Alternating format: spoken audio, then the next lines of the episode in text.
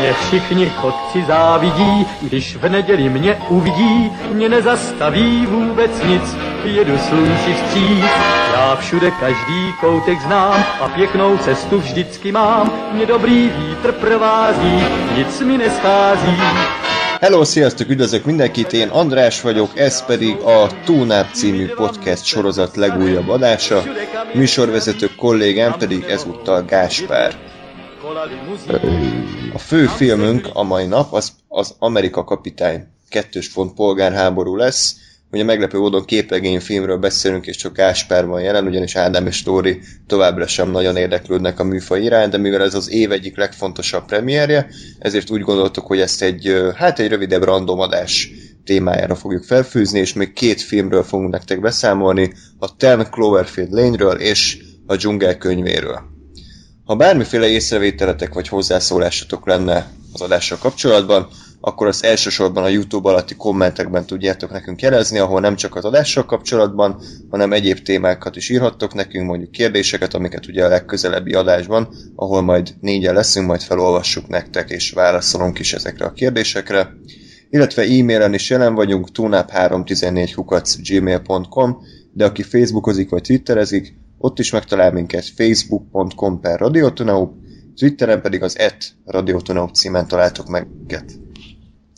És aki még esetleg úgy hallgatta ezt az adást, hogy nem iratkozott fel a YouTube, csatornánk, YouTube csatornánkra, azt megkérnénk, hogy tegye meg. Már nagyon-nagyon közeledünk az ezres feliratkozás felé, úgyhogy nagyon örülnénk, hogyha ez hamarosan beteljesülne.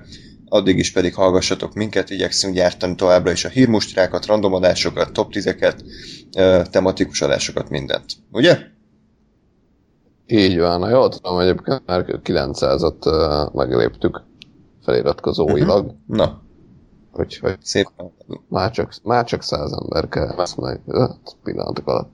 Jó van. Hát akkor az ezredik adásra valami, valami olyan témát kéne előhozni, ami mindenkit érdekel, mondjuk egy Linda széli kibeszélő. Walking Dead? Ja, Kisváros. Nem, azt soha. Nem, hát ha Walking Deadnek neki megyünk, akkor minket szétszednek apró darabokra, úgyhogy ez, ez egy szent és értetetlen sorozat, nem szabad, nem szabad menni. Hát az a baj, a Walking Dead megnézésének én neki megyek, akkor engem azt szét fog szedni darabokra, tehát hogy onnantól már Hát igen, az... igazából tök mindegy.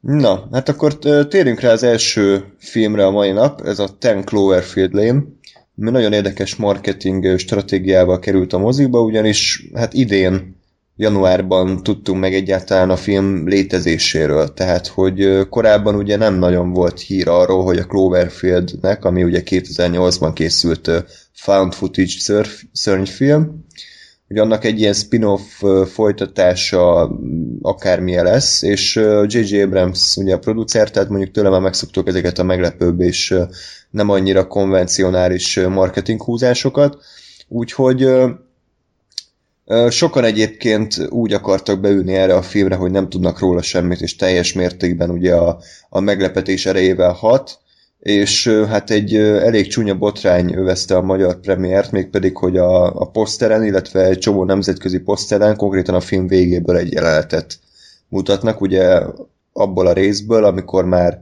megtudjuk, hogy mi a nagy megoldása az eseményeknek, és én azt gondolom, hogy akkor tudunk erről a filmről legegyszerűbben beszélni, hogyha ha spoileresen belemegyünk már az elején.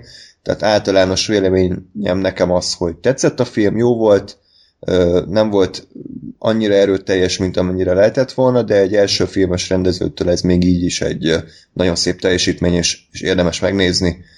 Gáspár, neked egy ilyen egymondatos vélemény? Nekem is abszolút tetszett, igazából szerintem úgy jó ezt a filmet nézni, ha az ember semmit nem tud róla.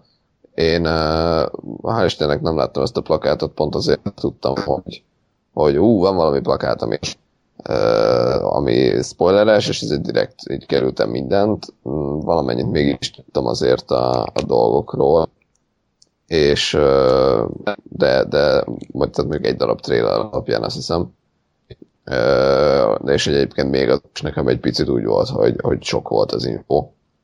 Tehát, hogy, hogy tényleg ez olyan, hogy semmit nem szabad tudni róla, nulla felkészültséggel, tényleg annyi, a címét kell tudni, és bekerülni, és meg kell nézni.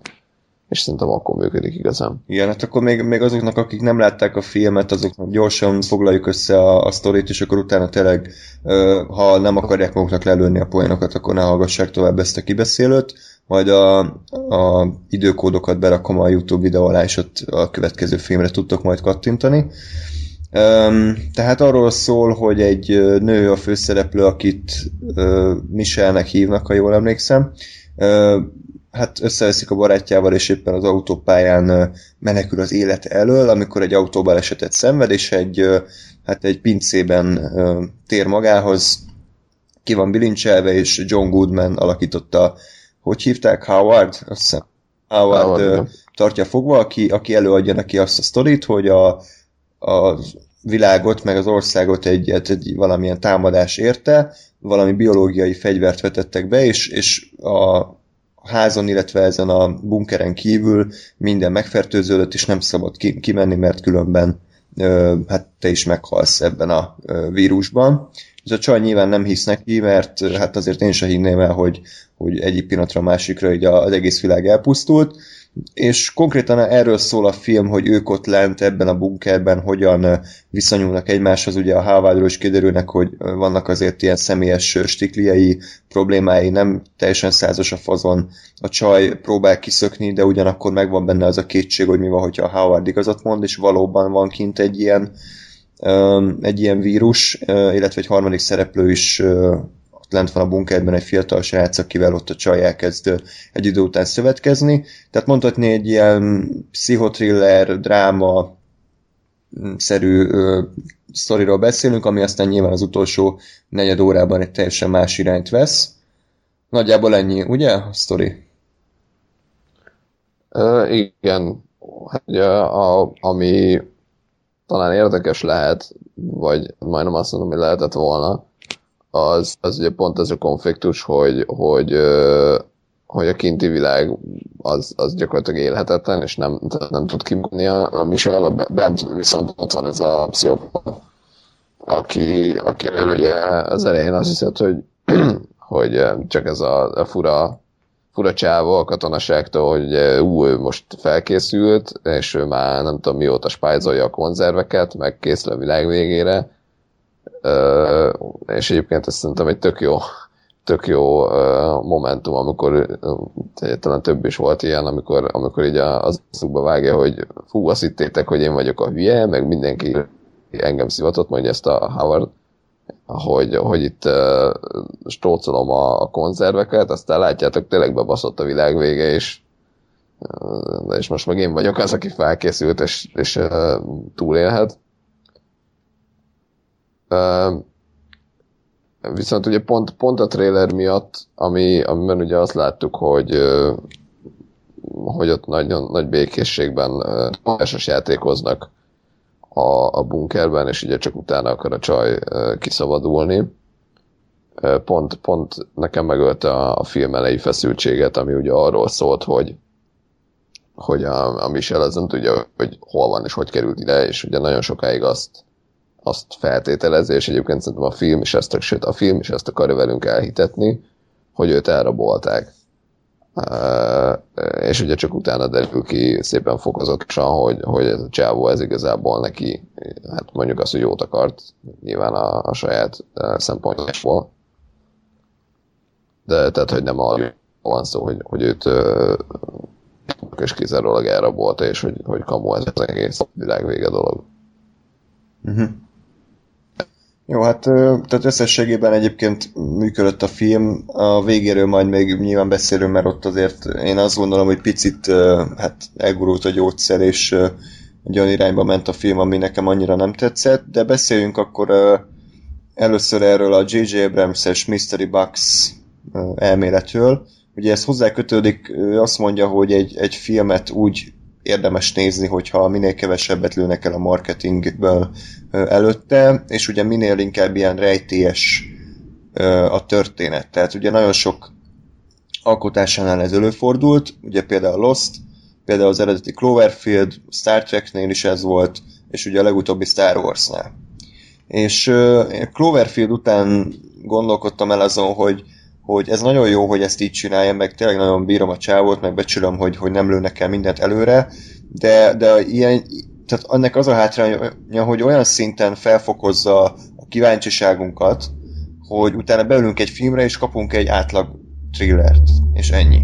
És ugyanez volt a Cloverfieldnél is, hogy nem tudom hány hónapnyi ilyen vírusmarketing, meg mindenféle hollapok, meg, meg, meg mit tudom, megnyitottam a, a filmnek a weblapját, és akkor mit tudom, egy 8 perc múlva egy szörny hang elindul, de csak egy pár másodperc, és akkor jöttek a teóriák, hogy hú, ez vajon mi lehet, hogy a, a felhőkben ott van a szörny arca, de csak így, így tükrözve, tehát gyakorlatilag így, így olyan szinten felfokozta az elvárásokat, és beütünk a Cloverfieldre, és mit kaptunk?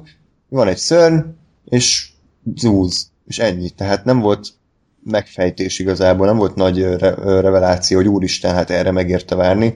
Ugyanez volt a Lost-nál, ugyanez volt a, a, a Star Trek 2-nél, hogy ő Kán, mindenki tudta, hogy ő Kán lesz, de azért is próbálták, hogy meglepetés legyen, és itt a Cloverfieldnél legújabbnál is ez van, hogy, és ezért se értem annyira a nemzetközi kiakadást, hogy az a film címe, hogy Ten Cloverfield Lane, tudjuk, hogy J.J. Abrams a producer, tehát vajon mi lesz a végén a megfejtés? Na hát csak nem az, hogy ufók vannak. Tehát, hogy tehát kilepődött volna ezen meg? Vagy nem értem, hogy, hogy miért kell kiakadni ezen? Hát úgy valószínű ez volt, hiszen hogyha ha, mit tudom én, egy, egy IT2 e készül, akkor valószínűleg, hogy van benne IT. E én egyébként egyetértek ezzel a, ezzel a stratégiával olyan szempontból, hogy, hogy én most nagyon érzem magamon, hogy tényleg ezek a filmek, amikor semmit nem tudok, sokkal jobban tetszenek, mint, mint ahol az van, hogy fú, most elvárás, meg, meg ilyen trélert láttam, meg olyan, azt mondták, meg mit tudom én.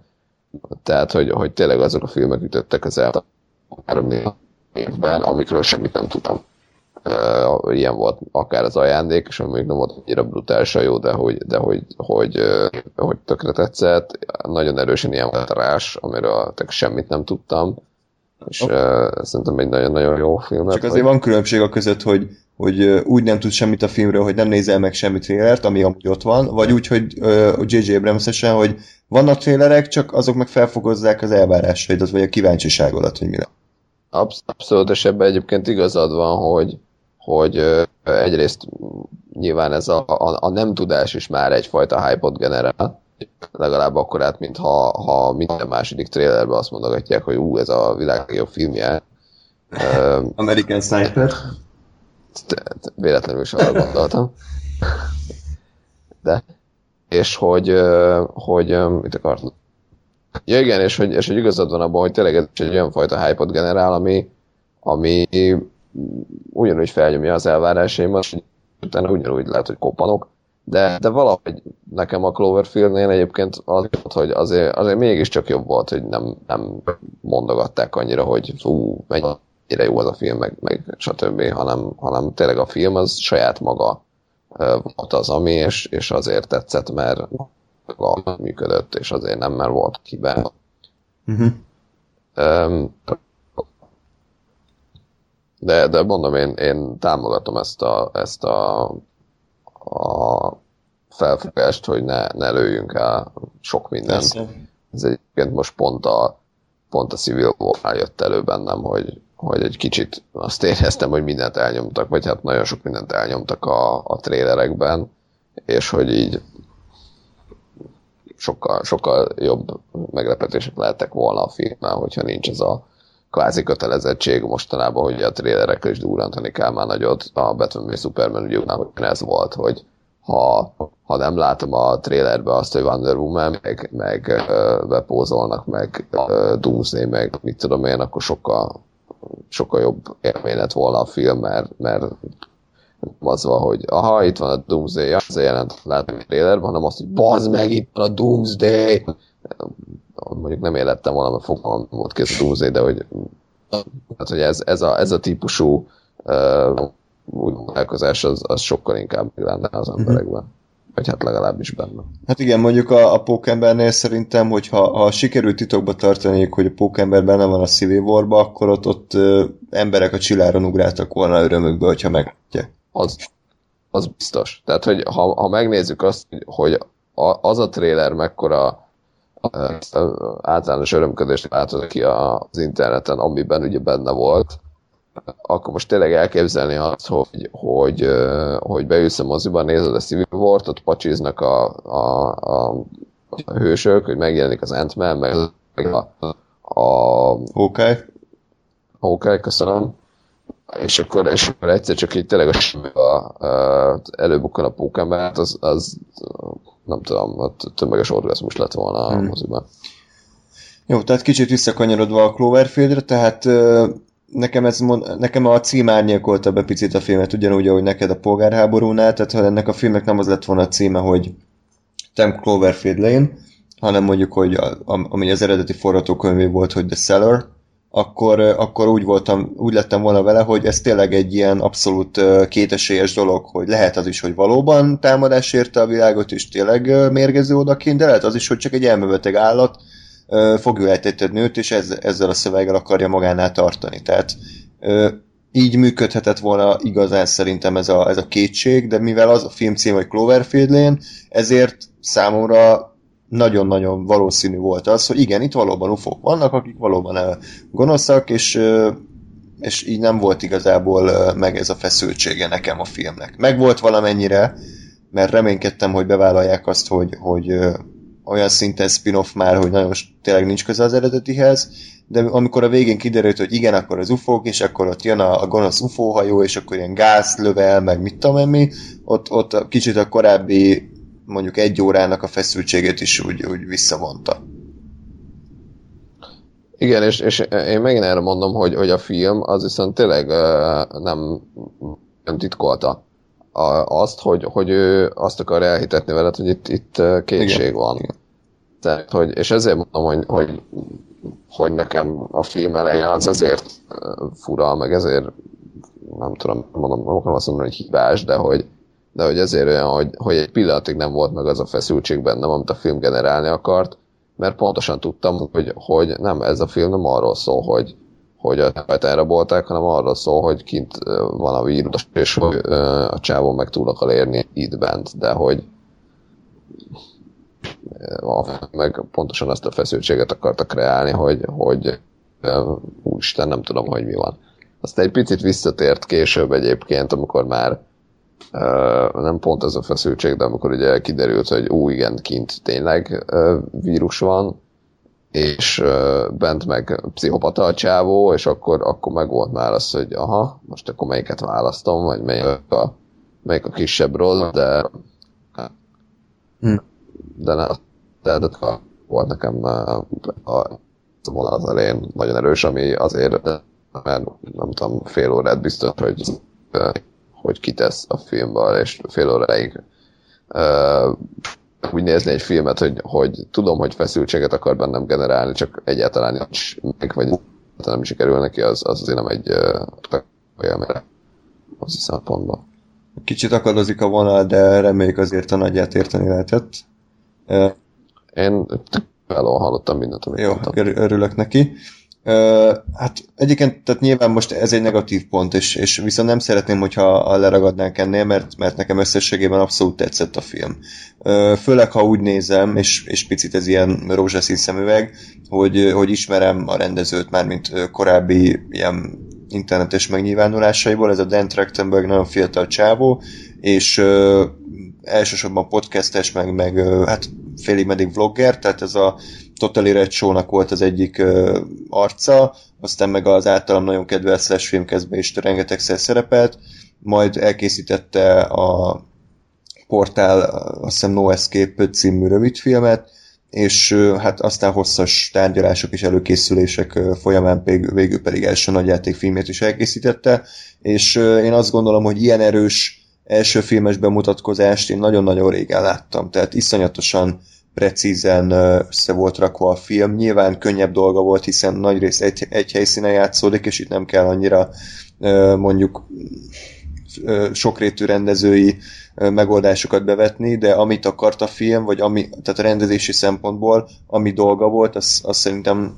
tökéletesen elvégezte. Tehát jó, jó volt a színészvezetés, nagyon jó voltak a kameraszögek, jól használta a zenét, a vágásokat, tehát ez volt az, ami szerintem felhúzta picit a filmet, úgy, hogy egyébként a forgatókönyv se volt rossz, tehát egy csomó ilyen logikus cselekedetet láttunk a, a szereplőktől, amik egyébként a hasonló thrillerekben, horrorokban ugye nem, nincsenek meg. Tehát a, általában ezekben a filmekben a karakterek azok mind síkülyék, és, és egy idő után azért szurkolunk, hogy meghalljanak, mert, mert annyira faságokat csinálnak. De szerencsére a Michel az mindig feltalálta magát. Néha picit már túlzottan is talpra esett volt, de, de ez tényleg ilyen luxus probléma.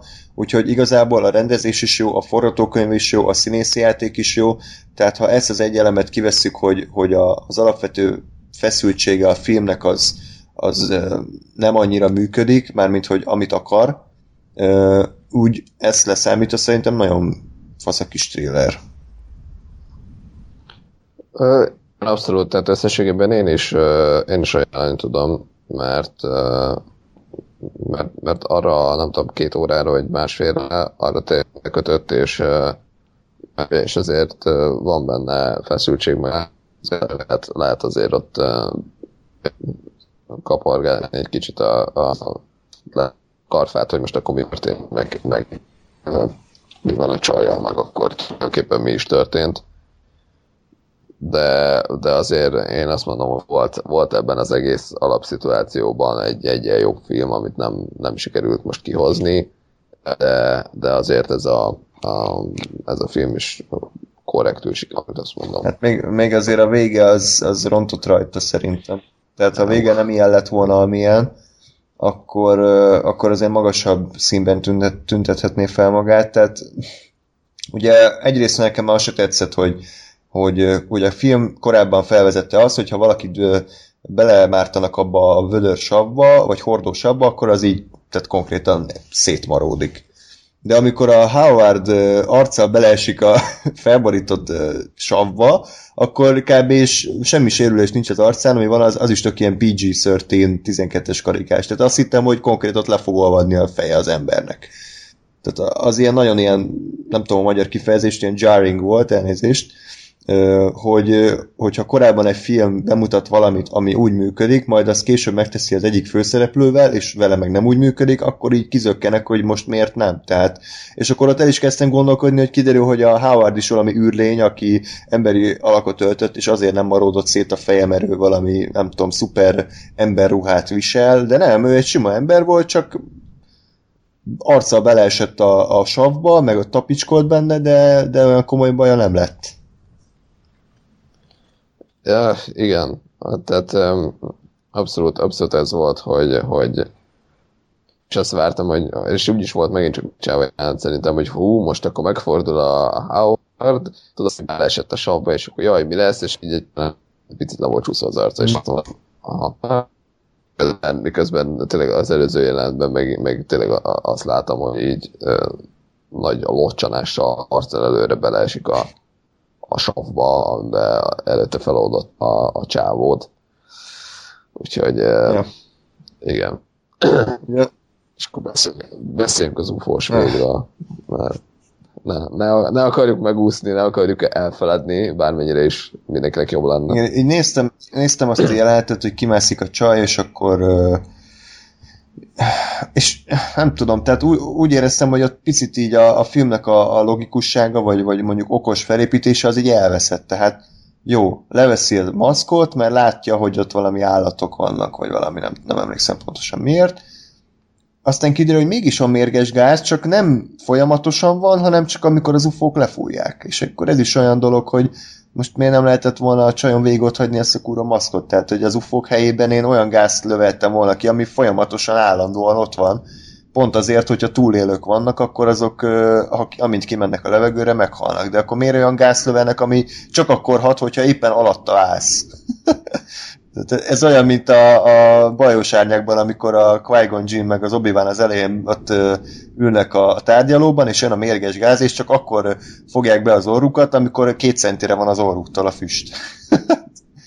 Úgyhogy ez zavart, aztán jött az a szörny, és akkor, és akkor hát átmentél random tucat menekülős horrorba, hogy akkor bemegy a fészerbe, és akkor keresi a szörny, akkor kifut, akkor bemegy az autóba, akkor balfaszkodik, aztán jött egy ilyen teljesen ilyen, ilyen facepalm jelenet, hogy akkor a molotov koktélt pont úgy bedobja abba a nagy ufóba, ami természetesen felrobban, tehát így, így átment egy ilyen, egy ilyen tipikusan buta hollywoodi befejezésbe, és az nagyon rosszul állt a filmnek. Igen, én nagyon, nagyon bocsánat. Én nagyon azt éreztem, hogy ott elkezdődött egy másik film, és hogy ezt, ezeket az utolsó jeleneteket az gyakorlatilag így hozzáragasztották a, a filmhez, mert, mert nekem is az az érzésem, hogy most uh, oké, okay, hogy uh, verekszik a csaj egy ufókkal, meg nagyon ügyesen ez, csak ennek mi a franc köze van ahhoz, hogy te nem tudom, bő egy órán keresztül arról szólt a film, hogy egy uh, bunkerben ülnek, és, és na most akkor vajon elmebeteg a Howard, vagy, vagy segíteni akar, vagy mi az Isten van. Úgyhogy, úgyhogy ezt, ezt de tényleg nem értettem, hogy, hogy ezt, ezt miért kellett, vagy miért így kellett. Én azt mondjuk, hogy maga a jelenet az tehát nem volt rossz, de egy kicsit ilyen tucat uh, túlélő horror, vagy thriller, vagy ilyesmi volt, hogy, hogy tényleg a, a nagyon sablonosan menekült a világok harca és jelek uh, keveréke volt. Igen, igen, pontosan, bár a világok harcát nem láttam a jeleket meg egyszer régen, de hogy, de hogy pont ez volt bennem is, hogy, hogy nem, nem értem azt, hogy ebbe a, a menekülésbe bármiféle egyediség, vagy bármiféle ötlet lett volna, hanem ez egy ilyen basic mm. copy-paste-es de hogyan meneküljünk el a, a nagy szörny elől jelenet volt. És mondom, jobban zavart az, hogy ez ebben a film marhára nem illett. Hát nem nagyon. És ugye még jött a kegyelemtöfés neked a végén, a, a útkereszteződés. Mi történt ott, hogy választania kellett a csajnak a rádió bemondás alapján, hogy vagy a, a biztonságos helyre megy, vagy segít a többieken? Igen, ugye fel, felvázolták korábban, hogy, hogy a, a, a csaj mondta magára, hogy olyan volt világ életében, hogy, hogy ha probléma volt, akkor, akkor, akkor nem, nem ment oda segíteni, hanem fordult, inkább elmenekült. és, és a, a, a vége meg ezt, igen, végre kiszabadult, legyőz az ufót, bekapcsolja a rádiót, és akkor véletlenül pont azt hallja, hogy, hogy konkrétan, tehát hogy, hogy nagyon-nagyon rosszul megért szövegben pontosan neki elmondja a, a, a rádiós, anélkül, hogy a rádió tudná, hogy ki ez a csaj, hogy ha most egyenesen mész, akkor és, és tovább vezetsz, akkor ott biztonságba kerülsz, mert ott van a, a, a mit tudom én, a főhadiszállásunk, és kimenekítjük az embereket, és, és ott majd mindenkinek jó lesz, de jaj, ha balra, ha balra kanyarodsz, akkor ott meg ártatlan embereknek tudsz segíteni, hogyha van katonai és vagy orvosi képzettséged, mindenkinek szükségünk van. Most a csajnak egyrészt csak katonai, se orvosi előképzettsége nem volt, másrészt ez egy annyira arcba mászó jelenet volt, hogy, hogy, hogy véletlenül pont meghallja, és hogy jaj, most akkor nem azt választom, amit egész életemben, hanem ennek a traumának a hatására fenekestől felfordítom azt, amit eddig tettem, és jobb emberré válok. Ezt így gyakorlatilag kiratták volna a világító betűkkel az utolsó kép után mert, vagy alá, mert nagyon-nagyon ez történt, és nagyon fogtam a fejem, hogy úristen, ez, ez mi volt, és hogy gondolták, és miért kellett ezt. Úgyhogy hát egy kicsit sírtam. Igen, igen, ez, ez tényleg ilyen... Oh, tehát értem, hogy, hogy akarnak valamilyen karakterfejlődést, ami nem rossz, csak ez tényleg ez a általános iskola első osztály szint, hogy jó, akkor válaszult is, akkor merre menjek is fejlődött a karakter. Érted? Fejlődött! Igen, karakterfejlődés. Szerelmi dráma. Szerelmi dráma. Bradley Cooper hangja szólt hozzánk. De... Tessék? Ezt nem értettem. Bradley Cooper volt a barátjának a hangja a telefonon. Ja, jó, hát ezt a szinkronban nagyon jól lehetett hallani. Vagy nem szinkronosan? Szerintem uh, eredeti nyelven néztük. De... Jó, akkor nem. Nincs, nincs uh, ennyire uh, kiélezve a Bradley Cooper radni, hogy mindenhol felismerje magam. Annyira, annyira jó színész, hogy el tudja fedni magáról, hogy Bradley. Na, bocsánat, tényleg kicsit ilyen akadozó a hang, de reméljük azért, azért annyira nem zavaró. Na, lépjünk tovább a következő filmre, Dzsungel könyve. Ugye a heti hírmustrában már többször beszéltünk erről is a készülő bukásról Andy Serkis rendezésében, és hatalmas siker egyébként ez az új adaptáció, mind anyagilag, mind kritikailag is. John Favreau nagyon hosszú ideje dolgozott már ezen a filmen, de hogyha ránézzük, akkor látjuk is, hogy miért, tehát gyakorlatilag szinte full CGI az egész. Egyedül talán a, az az egy-két felmerő, vagy hát az emberi karakterek azok, azok ugye színészek, de minden más, nem csak hogy az állatok, de még maga az erdő is, a világ is, hát szinte teljesen számítógép által generált, úgyhogy hát ez, ez a technika mondjuk 10 évvel ezelőtt nem működött volna, de azt mondom, hogy így 2016-ban működött. Tehát nem, nem volt vele baj. Ha volt baj a filmmel, akkor az szerintem nem a látvány volt, mert az arra látszik, hogy odafigyeltek, és látszik, hogy, hogy eszméletlen pénzt költöttek rá. Ö, Gásper, te ugye nem láttad az eredeti rajzfilmet. Így van, nem láttam. És ugye így, így ültél be a filmre, én többször láttam, te gyerekkoromnak ugyanolyan része volt, mint az összes Disney rajzfilm, és uh, ugye teljesen más szemmel néztük ezt a filmet, de egyikünknek se tetszett. Igen, ez, ez mondjuk elég sokat elmond magára a filmről, tehát hogy azért, ha, ha se annak, aki, aki vágja a témát, és annak, aki nem vágja, nem tetszik, akkor valami nem biztos, hogy jó az a vagy, vagy tényleg csak mi vagyunk elbaszva de, de akkor most próbáljuk meg összefoglalni, hogy pontosan miért is nem élveztük ezt a filmet. Nem lesz egyébként könnyű, mert mert ez kb. olyasmi, mint egyébként a Pacific Rim, meg, a, meg a, akár még a Wolverine is, hogy így, hogy így tökéletesen látom és értem, hogy ez az embereknek miért tetszik. Mert egy ártalmatlan, nem egyébként rosszul összerakott családi mese, csak, csak halára untatott. és, és ugye ez egy, az a baj, hogy ez egy olyan érv, ami, ami abszolút szubjektív, és, és nem uh, még egyszer mondom, nem könnyű megmagyarázni, hogy miért untatott halára. Ugye engem azért untatott, mert én tökéletesen ismertem a sztorit, és azt vártam, hogyha 2016-ban belők egy dzsungelkönyve filmre, akkor az valamivel többet fog nyújtani, mást fog nyújtani, mint az eredeti rajzfilm. És ezt meg is próbálták, de azt gondolom, hogy ezek a változtatások egyrészt nagyon apró mértékűek voltak, másrészt meg nem adtak annyit az alapsztorihoz, hogy ettől én azt élvezem. Tehát konkrétan ugye a, sztori az, az gyakorlatilag annyi, hogy van egy gyerek, akit farkasok nevelnek fel, és a dzsungelnek a, a része, de jön a gonosz tigris, aki, aki utálja az embereket, és meg akarja ölni. A kisrác meg elmenekül, aztán visszamegy. Tehát, hogy maga a sztori a könyvet ugye nem olvastuk, de maga a sztori, amit a rajzfilmben és a filmben láttunk, az olyan szinten vékony és kevés, hogy ezt valahogy nagyon fel kell dobni uh, ahhoz, hogy ez élvezhető legyen. Csak szerintem nem sikerült. Tehát és az a baj, hogy még az eredeti rajzfilm kb. 70 perc, úgyhogy abból 30 perc dal, itt ez a film legalább két órás, és, és, és elnyújtott, és nincs benne igazából semmi, ami, amitől számomra élvezhetővé válna. Abszolút.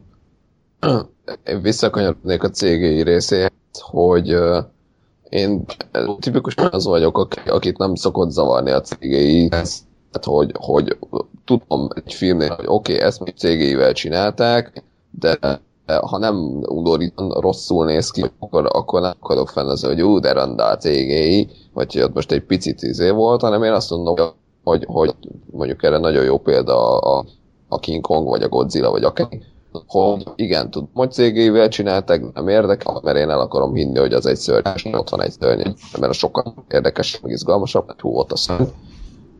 De, hogy, hogy itt meg, meg nekem nagyon zavaró volt, hogy, hogy tudom, hogy minden és hogy, hogy nem, nem, tehát azt látom, hogy, hogy hol van a cég, mert ronda a cég, hanem, hanem hogy látom, hogy hol ér véget a díszlet, és tudom, hogy aha, ebből, itt van egy ekkora díszlet, egy nem tudom, 5 méterszer 5 méteres díszlet, és hogy mögöttem meg tudom, hogy minden más kamu. És, és ugye pont azért, mert, mert nem kötött le a film. Uh-huh. És ugye folyamatosan az volt a tehát hogy folyamatosan figyeltem arra, hogy gyakorlatilag egy Ezért ugye ugráld tér előtt olyan karakterekkel beszélgetve, akik nincsenek ott. Tehát, hogy, hogy, hogy nem volt gyakorlatilag semmi, semmiféle valósági érzete az egésznek. Ugye nyilván a semmi állatok voltak, most azért, mert az állatok ugye semmi nem volt ott. És a maga az, az anyag elmondtál, és nekem nagyon zav volt, nem voltak ebben a karakterek, tehát az állatoknak még semmi karakter nem volt, a sírkán volt nekem egyedül az, hogy valaki volt, mert, mert ő mondja, hogy basztak az emberek. Ami, amit értek, ez is egy nagyon-nagyon egyszerű tétel, vagy egy nagyon egyszerű karakter, de, de azt mondom, hogy legalább volt valaki, mert most a, a, az Akela, aki meghalt, és most így azt volna éreznem, hogy jaj, meghalt az Akela, nem éreztem, mert az Akela egy senki volt. Tehát, hogy ő volt a és nagyon nagy rendelkezett azok a, a karakteri egy tulajdonságokkal, egy ilyen kvázi apurának rendelkeznie kell, de, de azok nagyon minimálisak voltak, és semmi nem éreztem az Akela felé. Ugyanúgy a, a, a, a, az anyafarkas felése, a, a Balú az szerintem egy fasz volt. Tehát, hogy a, a Balú az a végén ugye akarta hitetni, hogy ú, akkor most, most barát lettünk, ugye? És hogy közben az egész Balú arra szólt, hogy kihasználja magukat és uh, a saját uh, céljaira használja fel a, a maguk képességeit és a, a Kán azon meg, meg különösen fennakadtam, mert mert ugye mondom, fel, nem, nem, tehát a történet nem pontos ismeretében, hogy tudtam, hogy a K az egy kígyó, és hogy én azt hittem, hogy ő egy fontosabb szereplő, vagy hogy így van valami, valami köze a, a, az egészhez, de, de igazából semmi nem volt, hanem csak és kizárólag azért került bele ebbe a filmbe, hogy, hogy ezt a, a flashbacket valahogy bebírják rakni, ami arról szól, hogy a Mauglinak az apja égette meg a sírkánt, és hogy a sírkán ezért, vagy ezért is utálja az embereket.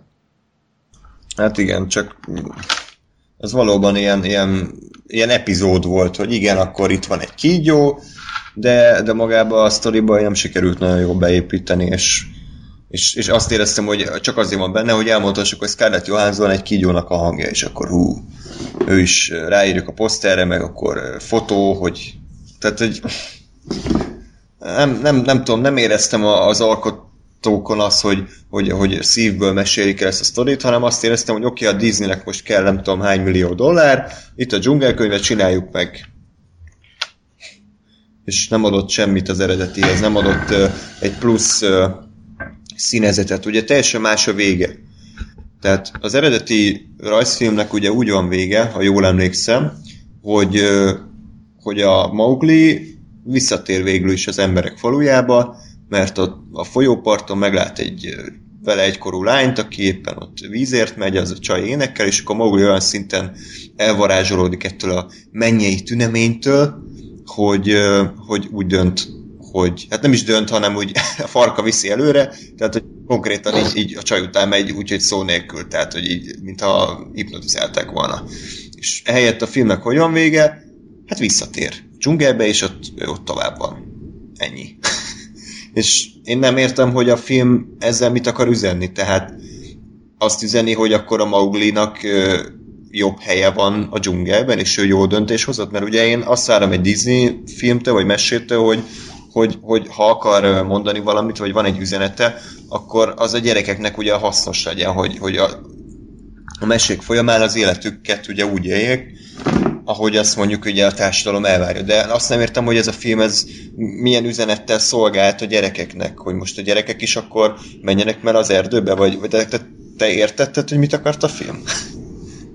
Ö, én értem, hát szerintem nagyon egyszerűen ez arról szól, hogy hogy, hogy az otthon, vagy a, vagy a hely, a hely amit, amit ugye otthonodnak hívsz, az bárhol lehet, és hogy a családod az bárhol lehet, és hogy függetlenül attól, hogy te valójában nem farkas vagy, hanem ember, gyakorlatilag lehetsz kvázi farkas, mert hogyha ha érted, ott az a közönség, aki befogad, és te odamész, és ott érzed jól magad, akkor, akkor le lehet szarni azt, hogy most te valójában nem, nem farkas vagy, és szerintem ez egy, ez egy így elmondva ez egy oké okay üzenet a filmben, Hát nem, nem, nem tudom, tehát hogy, hogy... Mert, mert tehát ugye mi, akik az emberi társadalomban élünk, mi azt gondoljuk, hogy a Moglinak jobb élete lenne, hogyha nem a büdös pacskos ö, sárban aludna minden éjjel, meg, meg vadhúst tenne, meg izé, hanem mert nincs összehasonlítási alapja. Tehát mi alapját dönt, hogyha nem tudja, hogy milyen a másik.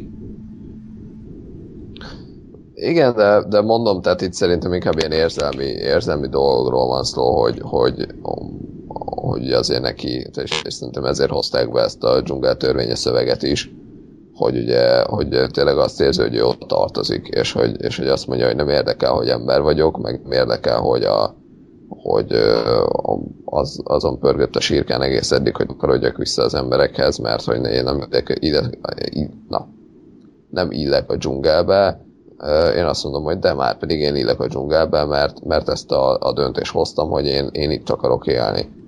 És, és ezért megy vissza, még ugye a, nyilván a, az eredeti sztori, vagy hát aminek az a vége, hogy ugye bemegy az emberekhez, meg ugye arról szól, hogy, hogy, hogy találd meg a helyet, hogy találd meg azt, ahol valójában tartozol, mert, mert hogy az, az, az vagy, és hogy azért szerintem itt benne van az is ebben az egész körben, hogy, hogy a, a könyv az ugye azt hiszem a 19. században íródott, amikor ugye más általános gondolatok és más ideológiák voltak a meghatározók, ugye most olyan tehát hogy, hogy azért mostanában arról szól, tehát az elfogadás, amit, amit, amit így egy általános jónak tartanak, és ugye akkor meg inkább az volt, hogy, hogy ki hova tartozik, ugye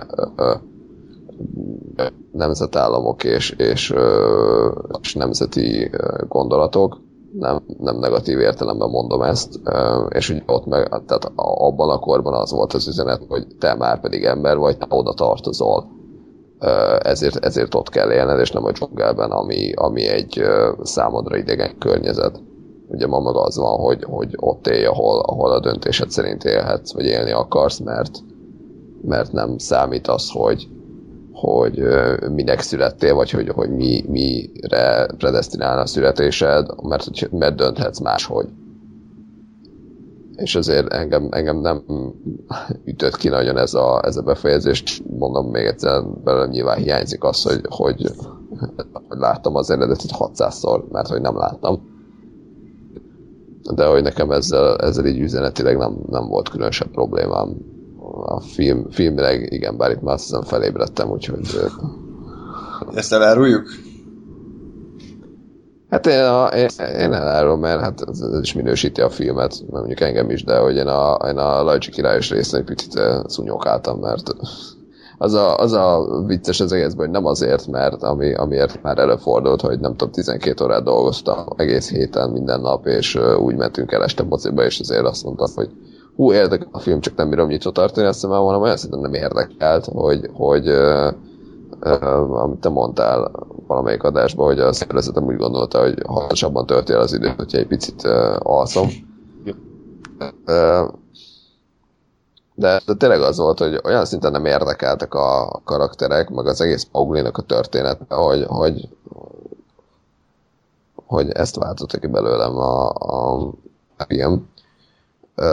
Ráadásul a Lajcsi király az, az nem tudom. Én, én rá is azt gondoltam így egyébként a film közben, hogy, hogy azért ő is lehet egy karakter, mert azért ezt is értem, hogy, és szerintem ez is egy tök jó gondolat, hogy ugye itt van egy, egy majom, aki, aki azt mondja, hogy én meg akarom szerezni a tüzet, mert hogy én, én egy ilyen hataloméhes fasz vagyok. És hogy látom, hogy az emberek a, a tűzzel mennyi mindenre képesek, és, és hogy én is ezt akarom magamnak, és én akarok uralkodni mindenen, és mindenkin, és az egész dzsungelen, és hogy ez akarja felhasználni a Mowglit. Nekem azt mondom, hogy ez is egy, egy valaki karakter lett volna, csak nem tudom, közben meg, közben meg fura volt az egész szituáció, és, és nem tudom, nekem, nekem ez a, a a, a beszélő áll, cégéi állatos megoldás vagy ötlet, ez, ez nekem nagyon-nagyon nem, nem működött itt. mert és egyébként azt hiszem, ezt elmondtam már a hírmustrába is, annó, hogy, hogy nekem ez pontosan az a kategória, hogy, hogy csak és kizárólag azért készült cégével, mert, mert most el lehet adni ezt, és most meg tudjuk csinálni ezt a technológiát, de hogy, de hogy, hogy az, hogy, az, hogy a beszélő állatok, az nekem egy ilyen, egy ilyen rajzfilmes ö, dolog, vagy, vagy egy más hangulatú dolog, mint ami, ami, mint, mint ami, ami egy élő szereplőshöz kell. És, és nem tudom, engem zavart, Igen. hogy, hogy cégei, cégei állatok beszélnek, mert azt mondom, hogy ezt a sztorit beszélő állatokkal nagyon kiválóan meg lehet csinálni rajzfilmbe, és a rajzfilm az pontosan egy olyan dolog, ami teljesen kortalan. Tehát, hogyha megcsináltak, mit tudom én, a 90-es években csinálták ugye azt a rajzfilmet. Hát jól. 60-as években. A dzsungelkönyve rajzfilmet? Tényleg? Úristen. Igen, ez régi. Ú, jó. Csak nem, nem, nem mondtam, hogy Jó, de akkor meg pláne, hogy ha a 60-as évekbeli rajzfilm, valóban 67-es, úristen.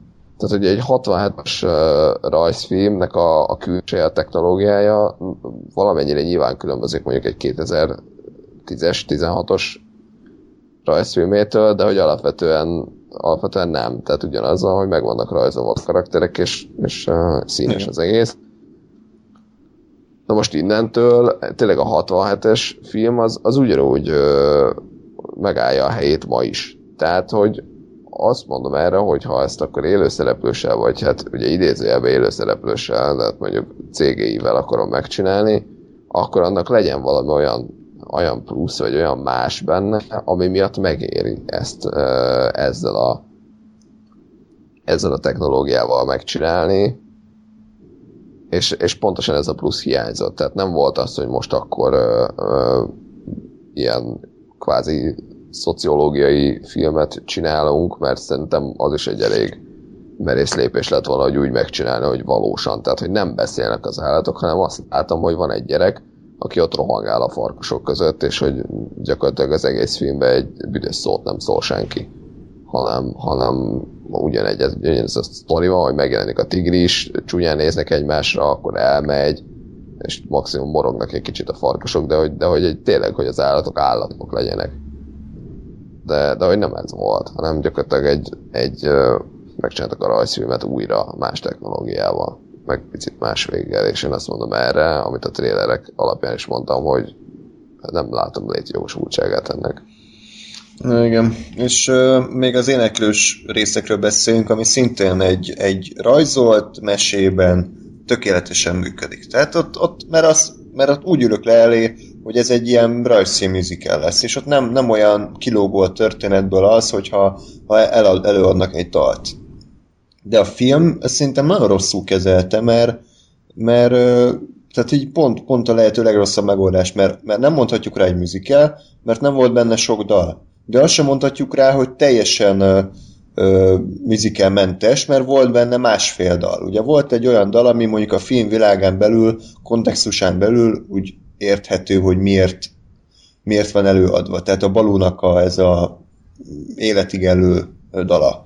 De a Lajcsi király az így, az így ö, semmiből elkezd énekelni, és előad egy ilyen két-három perces nótát, és így, így néztem, hogy ez most miért van, tehát most döntsék el, hogy mit akarnak csinálni, mert, mert ez, ez tökéletesen érezi rajta, hogy csak azért vannak benne ezek a dalok, mert a régi Disney mesében is voltak dalok, és akkor hát nem, hát ez nem lehet, hogy dzsungelkönyve dalok nélkül, de viszont azt meg nem vállalták be, hogy ez egy ugyanolyan musical. Tehát nem tudom, engem ez zavart, hogy, hogy, hogy próbál a film ilyen realisztikus CGI, meg akció, meg minden, de közben elkezdenek dalolászni ott a, a full CGI állatok.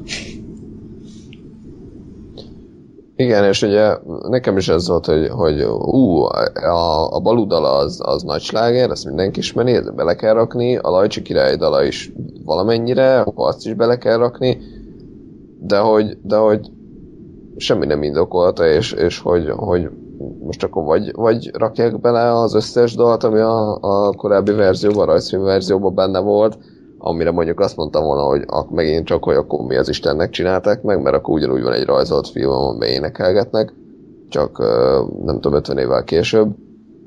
Vagy, vagy akkor ne rakják bele, mert én egyébként nem szeretem a Disney dalokat, nekem nem, nem, nem tetszik a stílusuk, se, se dallamvilágban, se tartalomban, de, de azt mondom, hogy oké, okay, ez egy, ez egy stílus, ez egy majdnem úgy műfaj, jó, csak ide minek?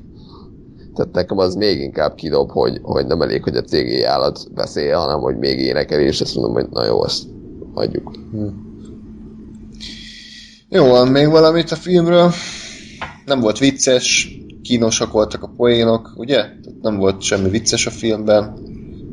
Igen, igazából nekem ez az a film volt, hogy bementem, és két óráig ott ment valami film ott elől, de hogy engem tökre nem érdekelt. Tehát, hogy nem, de, de tényleg, tehát, hogy semmi, semmi tehát, hogy a, a, a Mowgli nekem egyáltalán nem volt szimpatikus, mert, mert nem volt karaktere. Tehát a Mowgli az annyi volt, hogy van egy gyerek a dzsungelben, akit farkasok nevelnek, pont. De hogy ez nem egy személyiség, ez egy, ez egy uh, körülmény. Tehát ez a, ez a körülmény, ez az ő nagyon rövid élettörténete.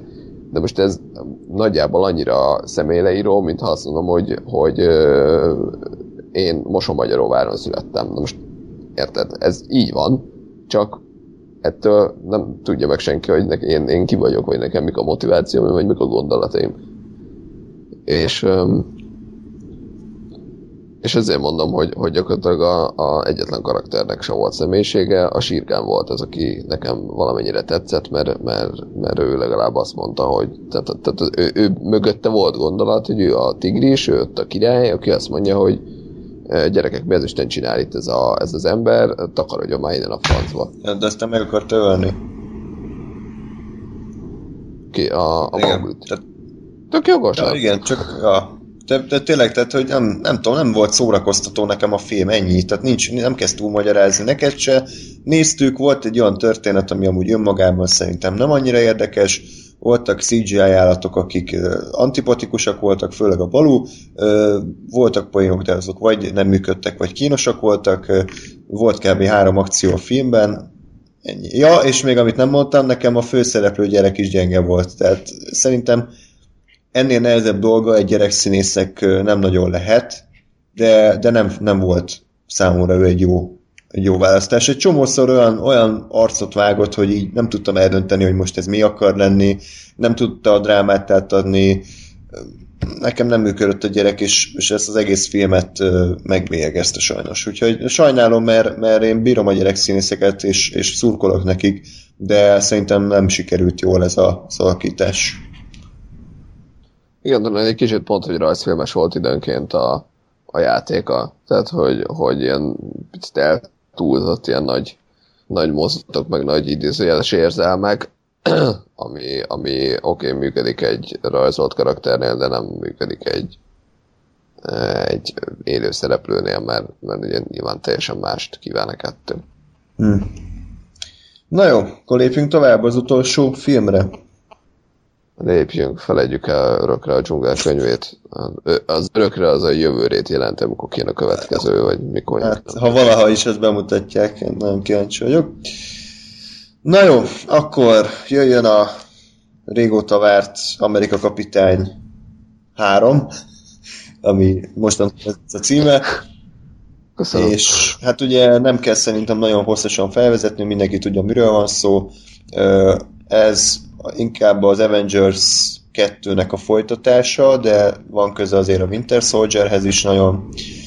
Aki ezt a filmet nézi önmagában, az egy büdös kukot nem fog belőle érteni, és ahogy beszéltük is a film után, hogy ez a film a leginkább ilyen össznépi képregényes zúzás, ami eddig valaha készült, és ez most jó értelemben mondom, tehát itt éreztem először azt, hogy megérte ezt a már 8 évnyi felvezetést, mert, mert minden karakternek Na jó, a legtöbb karakternek megvolt a helye a sztoriban, a legtöbb karakter motivációja teljesen világos volt, és pontosan úgy viselkedtek, ahogy megismertük őket, és jó volt őket együtt látni.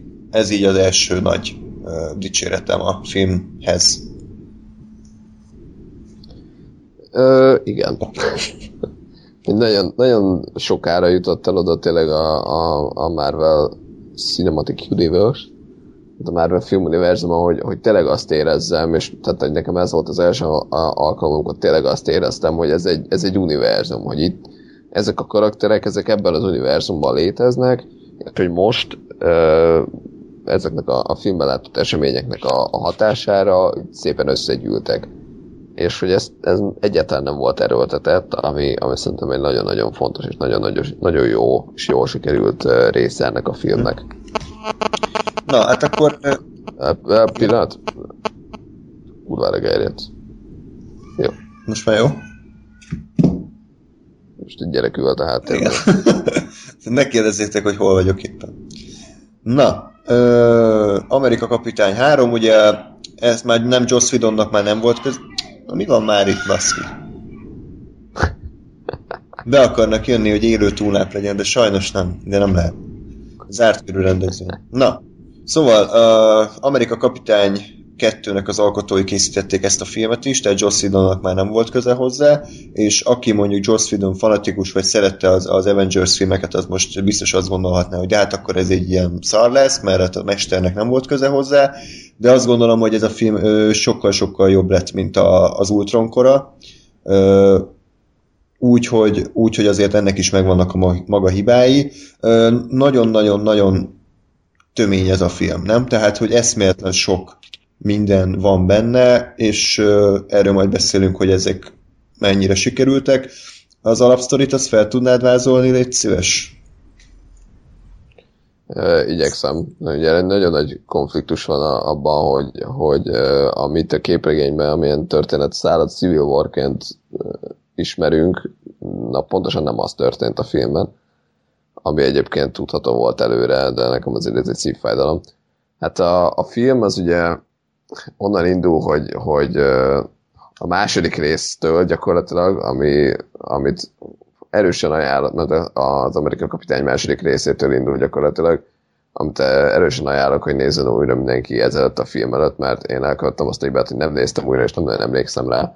Tehát, hogy azért az elején egy kicsit keresgélni kellett a gondolatokat, hogy akkor most ki kicsoda és mi történik de hogy a, a, a lényege annyi, hogy előkerül ismét Bucky Barnes, az Amerika kapitánynak a nagy barátja, és hát megöl, illetve hát merényletet követel, ami után őt rettentes erőkkel elkezdi küldözni.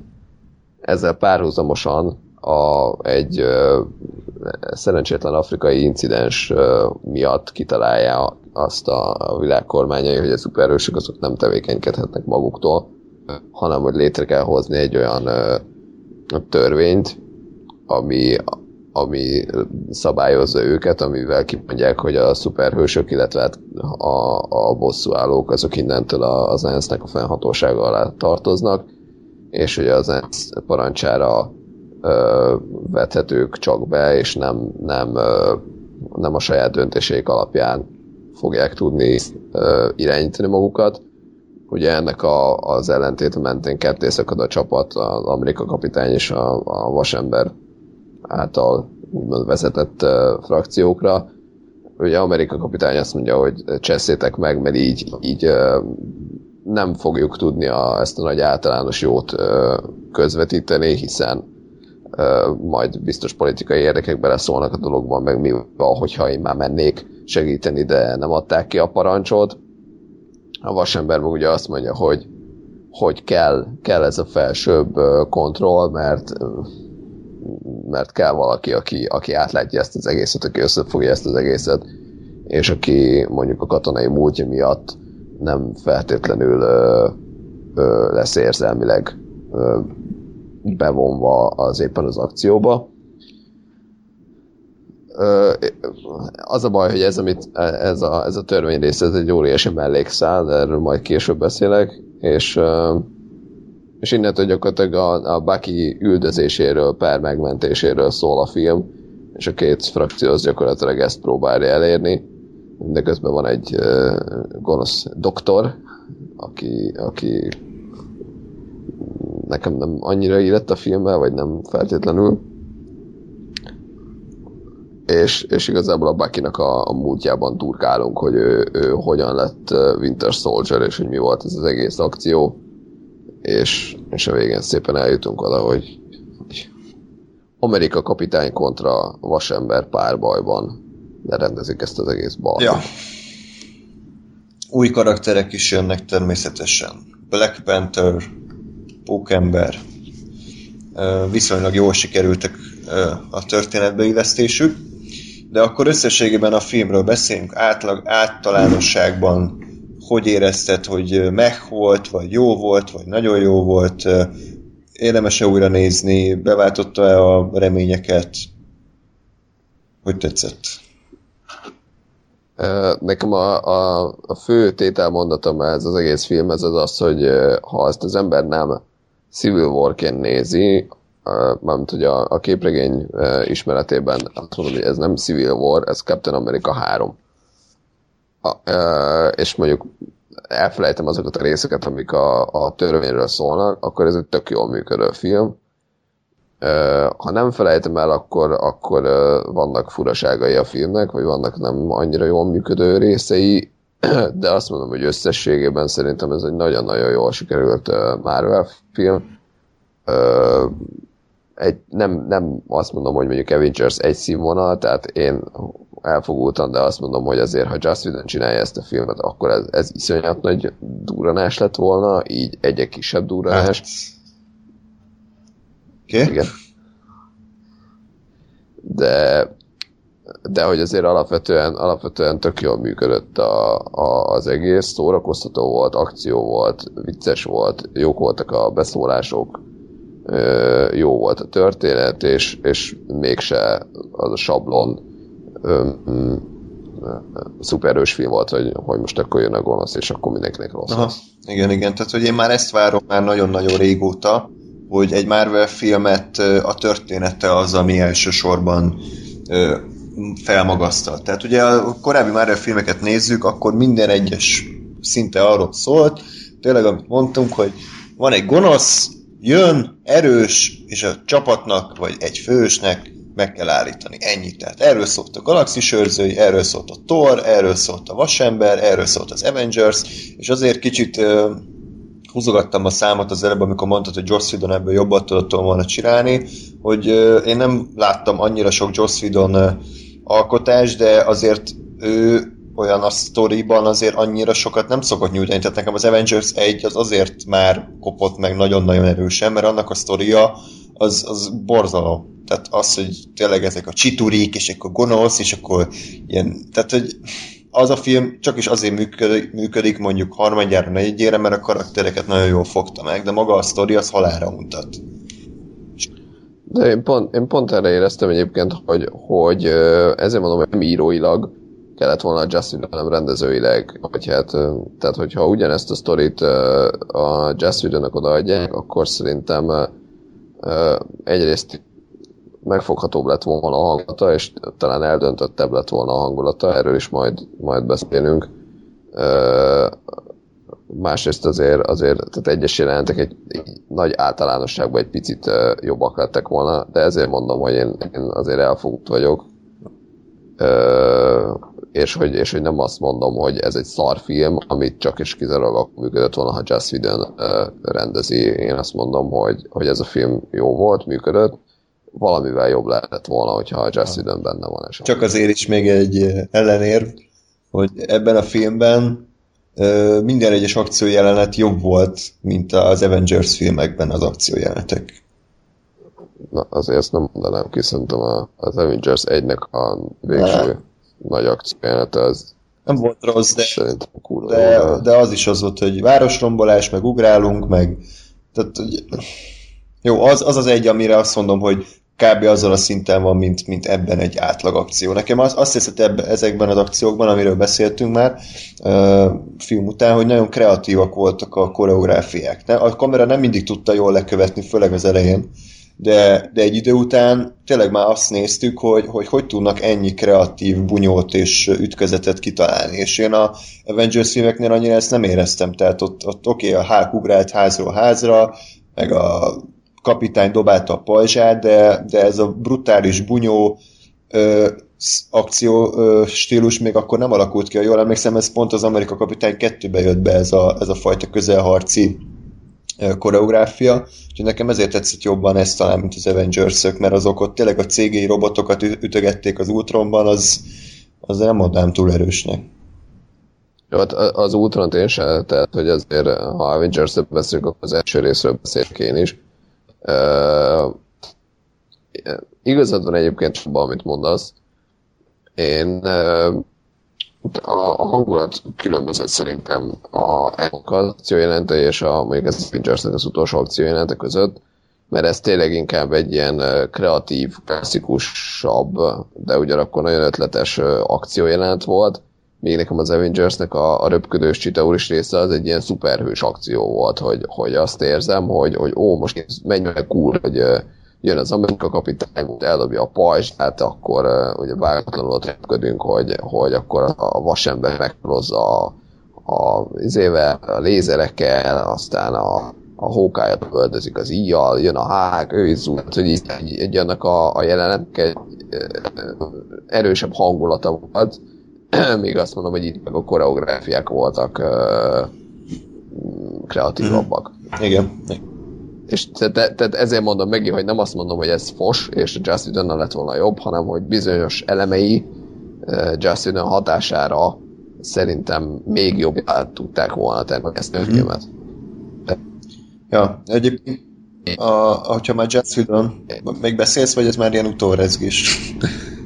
Jó nem tudom, csak a torkon. Okay. De...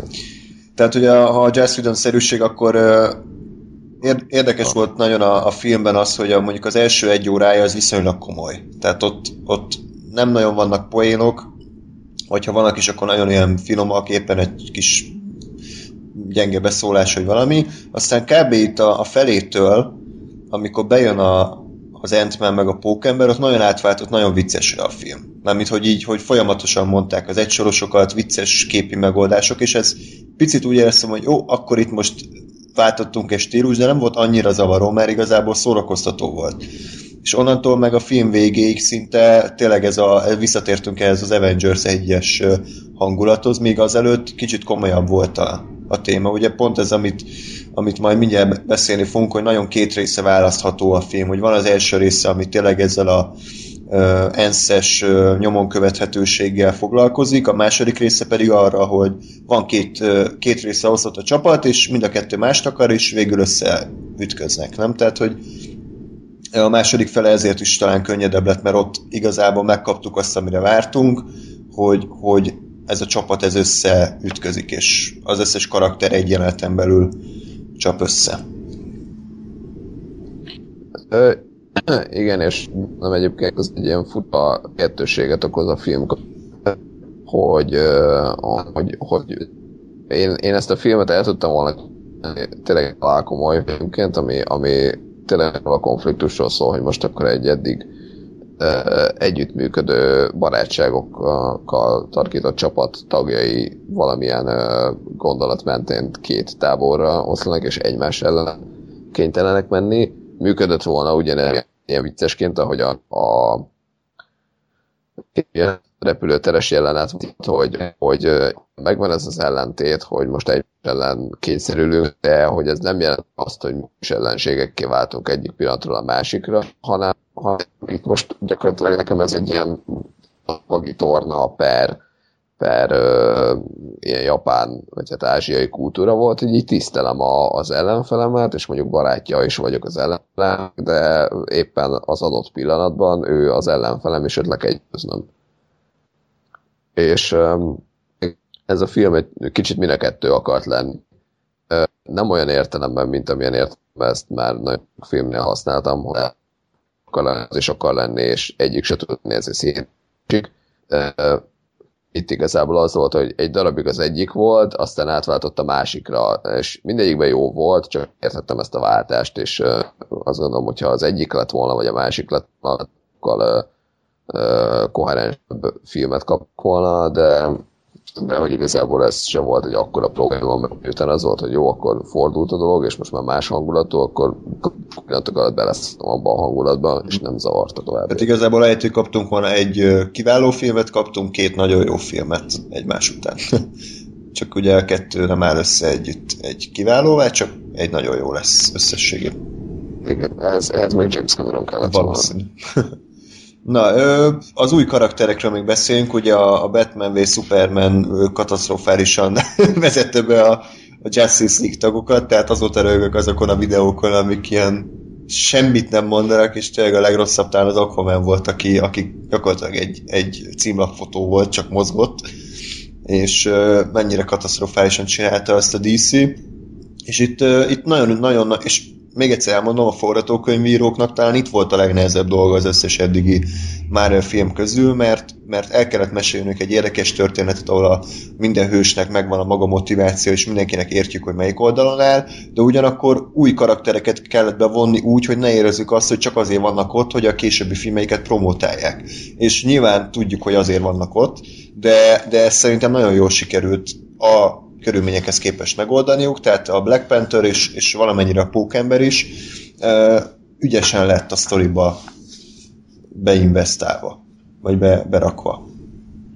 És, jó, és maguk a karakterek is jók, tehát ami, amit uh, szintén beszéltünk a film után, hogy míg egy, egy uh, Batman vagy Superman után semmi kedvem nem volt ahhoz, hogy egy Aquaman filmet nem nézek, mert fogalmam nem volt továbbra sem, hogy egy Aquaman film az egyáltalán hogy lehet jó de egy uh, Civil War után tökéletesen tudom, hogy egy Black Panther vagy egy Pókember film mitől lehet jó, hiszen láttam a karaktereket, láttam, hogy hogy, hogy viselkednek, milyen a, milyen a stílusuk, milyen akcióik vannak, és, és azt mondom, hogy na, hát ha ez nekem tetszik, akkor az is tetszeni fog, úgyhogy, úgyhogy nagyon ügyesen reklámozták be a saját filmüket, mert nem éreztem azt, hogy ez csak egy reklám, de ugyanakkor elérte a, a reklám a hatását, hogy érdekel, hogy mi lesz velük.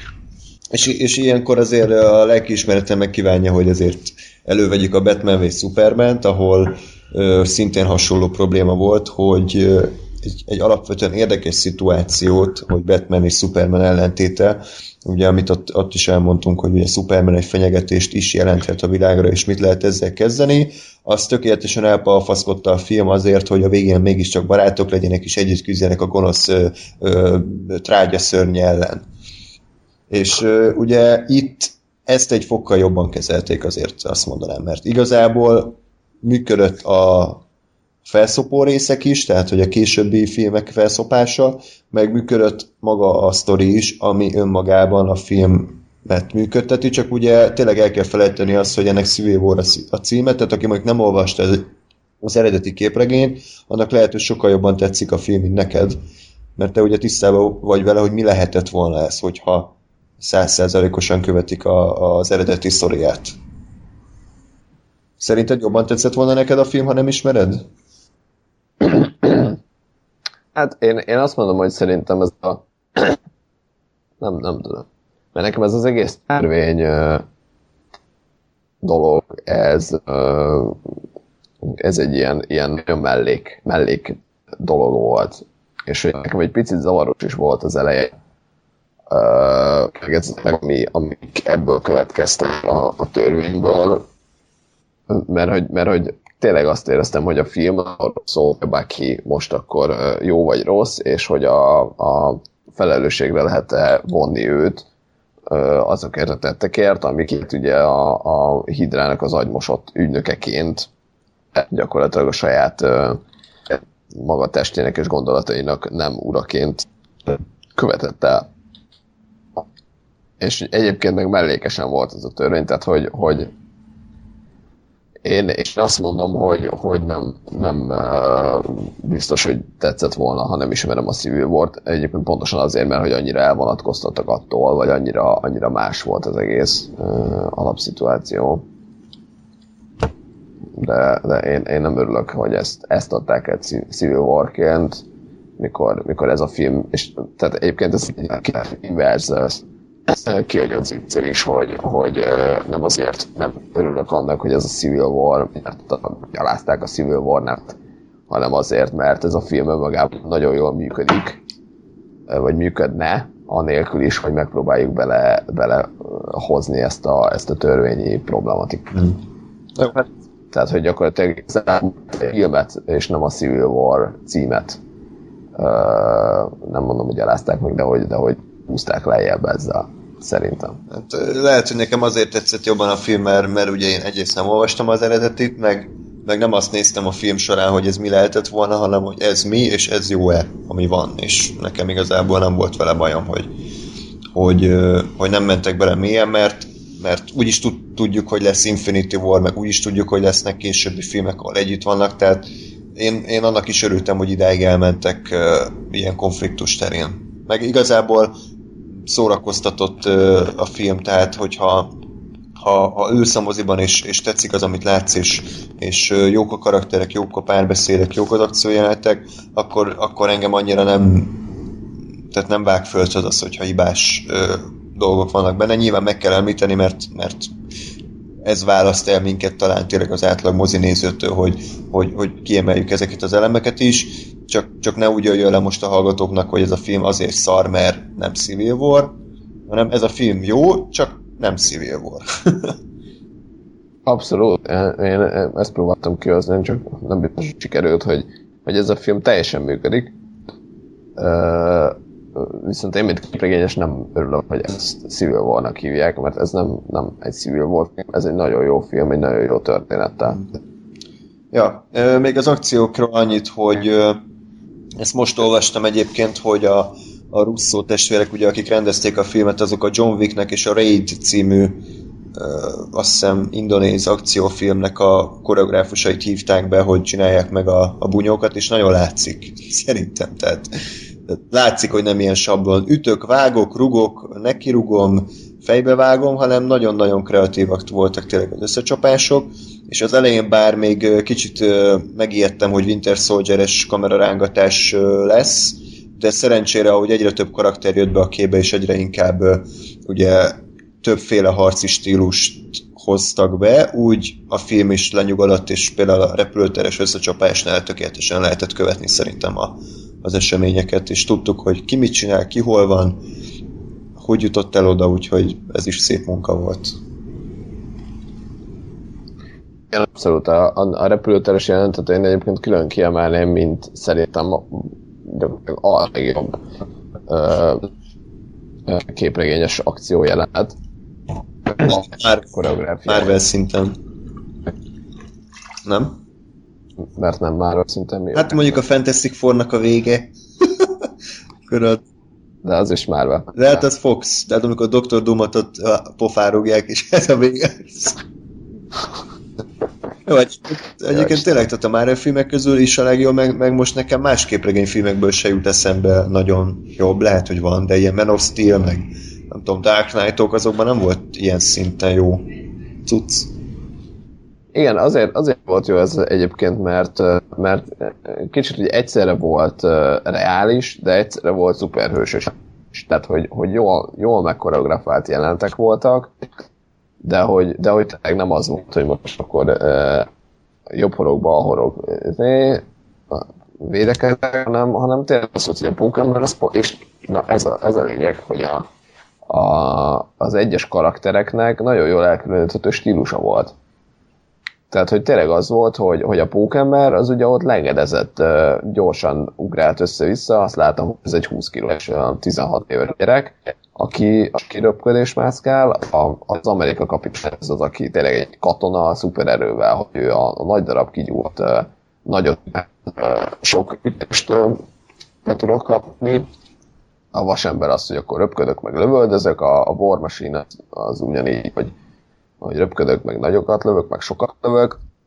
Az ant rengeteg nagyon jó pillanata volt, ahol tényleg azzal játszottak, hogy most kicsi vagyok, beférek, megnövök, megnöveztek más tárgyakat, aztán nagy vagyok, tehát hogy az, az iszonyat jó volt. És, és emiatt volt szerintem ez egy nagyon jó jelenet, mert, mert elkülönültek a, a, a karakterek nagyon jól, és pontosan tudtam, hogy, hogy ki kicsoda, és ki mit miért csinál. És nagyon-nagyon jól működött. Igen, igen. úgyhogy uh, tényleg szép munka volt, és Uh, hát miről beszéljünk még, ugye maga a főgonosz nekem egy érdekes uh, adaléka volt a filmnek, ugyanis szerintem nem egy tipikus Marvel főgonosz, és ezt tetszett benne. Tehát ugye, meg az is fura volt, hogy igazából a, vé, az, a filmnek az utolsó negyed óráig fogalmunk nem volt, hogy ő mit akar. Nem? Tehát, hogy nem Igen. őt ki, hogy ő Igen. kicsoda, miért csinálja azt, amit csinál, és mit akar elérni. És ez tetszett is, meg nem is, mert, mert mert ugye azt éreztem, hogy, hogy minek nézem ezt a faszit, mit kit érdekel, és nézem inkább a szuperhősöknek az egymással való ellentétét. De aztán a, a film vége ugye szerintem viszonylag ügyesen visszahozott, mert ugye kiderült, hogy többek között ő az elő, előidézője annak, hogy a szuperhősök ugye egymásnak mennek, mert ő, ha jól, ha jól értettem, akkor ő a Szokóviában veszítette el a családját, és ez olyan szinten kiborította, hogy elhatározta, hogy belülről bomlasztja szét a, a bosszúállókat. Ő nem egy szuperhős, ő nem tud ütni, vágni, hanem ő, szépen ilyen, itt nagyon jó indulaton, ilyen pszichológiai terrorral szétszedi ezt a csapatot. Ugye erről szólt a film nagyjából. Igen, abszolút. Engem egy picit zavart a film közben az, hogy fogalmam nem volt, hogy ki ez a csávó.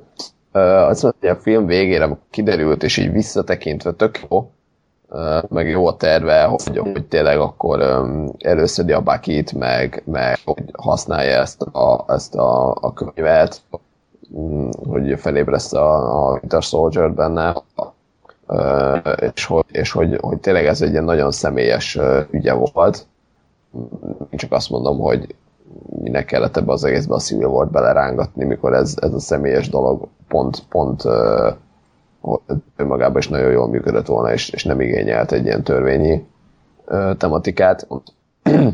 De hogy, de hogy igen, abszolút működött a karakter. és, és, és értettem. Nagyon-nagyon tetszett egyébként az a, az a telefon. Igen, igen. Erről nem beszéltünk tegnap mozi után, hogy, hogy ugye összesen kettőször került elő egy ilyen telefonüzenet, az egy az volt, hogy, hogy ő ott ült valahol, nem tudom, kávézóba, és éppen a telefon hallgatta, hogy a felesége azt mondja neki, hogy tudom, én most fektettem le a gyereket, hogy megyünk aludni, és akkor szia, szeretlek. És ennyi volt az egész, és, és ugye ott első pillanatban nyilván azt hittem, hogy jó, akkor éppen telefonál a feleségével, aztán ugye amikor nem volt válasz, meg nem volt semmi, akkor eltem, hogy jó, az egy hangüzenet, oké, okay. és gyakorlatilag majdnem, hogy teljesen el is felejtettem, hogy ez van, és ugye a végén az utolsó jelenetben kerül, és derül ki, hogy, ez a hangüzenet, ez ugye a halott feleségéből származik, aki, aki X, vagy hát nem tudtad, hogy már egy ideje halott. Ugye a, a, a Avengers 2-nek az eseményei következtben, és hogy, és hogy ő ezt így folyamatosan újra és újra mert hogy elvesztette a feleségét. És ez egy ilyen nagyon-nagyon finom, és az volt nagyon szép, hogy ez nem volt az arcunkból tolva, tehát nem volt egy ilyen nagyon drámai úristen, pillanat, hanem, hanem ez egy nagyon, nagyon, nagyon emberien volt ábrázolva. És emiatt nagyon-nagyon tetszett. Igen, meg, meg az is tetszett, hogy a, ugye láttuk azt hiszem háromszor azt az autó, autó megy az úton és motorral követik, és ugye nem értettük, hogy ez miért ilyen fontos, és nem értettük, hogy mi ez a 91. december akárhanyadikai akta vagy felvétel, amit akar a csávó, és, és a végén derült ki, és az is így csettintettem, hogy, hogy, hogy tök jó, mert felvezették azzal a hát félig meddig flashback hogy a, a Starknak a szülei azok kik, ho, hova mennek, hogy néznek ki, és utána a film végén ugye kiderül, spoiler, így a sokadjára, hogy hát ugye a Bucky ölte meg őket, és, és ez is szerintem tök, tehát sztori mesélés szempontjából ez egy jó húszás volt. Igen, ugye pláne kiegészít az gondolattal, hogy ugye a, a, a vége felé azért kezdte a, a a vasember is azt mondani, hogy jó, oké, okay, igaza volt a, a kapitánynak, ő volt a hülye, ment a vasember volt a hülye, ezt benézte, elrontotta, mit tudom én, és akkor bedob a, a főgonosz egy ilyet, vagy ugye megmutatja nekik ezt a felvételt, és akkor kiderül, hogy hoppja, amúgy a Bucky ölte meg a, a, a Stark szülőket, és hogy akkor így el, elszabadul a, a Tony, hogy na, akkor meg és ugye úgy akar, akar neki menni, és ugye onnan, onnan kerekedik ki mégiscsak a, ez a Captain America és, és Vasember közti párharc. Ö, egy perc türelmet kérnek tőle, de viszont addig belógok egy témát, amiről kérlek, hogy hozd meg a hallgatóinkkal a véleményedet. Ugye te nagy Andrew Garfield védő voltál, hogy szerinted ő egy jó casting és, és jó pókember. Mit szóltál az új pókemberhez? Bánod hogy lecserélték? Mennyire hű a képregényekhez? Mennyire jó, hogy újra már vennél van? Ezek, erről beszélj egy picit, kérlek. Uh, én azt mondom, hogy nekem ez egy nagyon-nagyon uh, örömteli pillanat. Tehát én nagyon örülök annak, hogy, hogy sikerült a Sony, tehát hogy a, nem tudom, hogy a Sony-nál, vagy a marvel vagy kinél valakinek eljutott az agyáig, hogy mindenki jobban jár, hogyha hogyha egy Avengers vagy egy Captain America filmben feltűnhet a pók, ezzel mindenki pénzt tud generálni, meg reklámot tud generálni magának. Nem beszélve arról, hogy, hogy a, a univerzumokat is erősítik. Tehát én nagyon örültem, hogy a Pokerről kiderült, hogy bekerülhet más már a filmekbe. Én azt mondom, hogy én ezen filmeket egyébként nem gyűlöltem annyira, nem mondom, hogy, hogy nagyon jók voltak, tehát azért az, azok is nekem inkább ilyen, ilyen meh kategóriába estek. De szerintem az Andrew Garfield működött pókemberként, a, az Emma stone közösen pedig nagyon-nagyon erős párost alkottak, tehát ők ketten színészileg szerintem iszonyat jól működtek. Ugyanakkor azt mondom, hogy nem, nem bánom azt, hogy, hogy új srác van, és hogy új megközelítést kap a pókember, bár ugye harmadszor már, de, de én bírom azt, hogy, hogy végre bevállalták azt, hogy most akkor tini, tini pókember lesz, tényleg középiskolás, és mondjuk úgy is néz ki, és, és, és remélem, hogy, hogy a saját Pókember filmjében ott tényleg erről fog szólni, hogy egy kicsit ilyen, ilyen nem tudom, lesz benne egy ilyen tini dráma vonal, és hogy úgy fog működni a film. És egyébként ennyi alapján nekem nagyon, nagyon szimpatikus volt mind a, mind a színész srác, mind, a, mind maga a karakter, mert azt is végre eltalálták, hogy a pókember az arról szól, hogy lengedezek, ugrálok, és közben folyamatosan dumálok, és nyomom a hülyeséget. Hm és hogy itt tényleg ez volt, hogy, hogy éreztem rajta, hogy egy ilyen hatalmas geek, hogy nem csak azt mondjuk, hogy ő okos, hanem hogy tényleg egyrészt otthon számítógépeket szerel, meg régi konzolokat, meg gépeket, ugyanakkor meg, amikor találkozik az Amerika kapitányjal, meg a Tony stark akkor ott összehúgyozza magát, hogy úristen, ekkora arcokkal megismerkedett személyesen. A, a repülőtéres jelenetnél, meg a, a Star Wars kikacsintás, a, a lépegetős, az meg szerintem zseniális volt. Tehát, ez, hogy, ez már ilyen Just Whedon szint volt. Igen, gyakorlatilag. Egyébként azért volt ez egy óriási jó pillanat, mert, mert nekem eszembe jutott valahogy előtte, hogy jó, ez tök olyan, mint a, a, a birodalom visszavágba, és így tök, tökre meg lehetne csinálni azt, hogy így körüllengi a pókember, és akkor majd jól hasra esik a, a az ant és hogy aztán nem csak, hogy tényleg megcsinálták ezt, hanem hogy még ki is mondták, hogy, hogy van az a régi film, izé, a, a Csillagok háború, és abban ezt csinálták, és hogy ez így egy zseniális, uh, zseniális húzás volt. Kíváncsi lennék, hogy ez hány millió dollárba került, hogy ezt egy mondatot elmondhassam.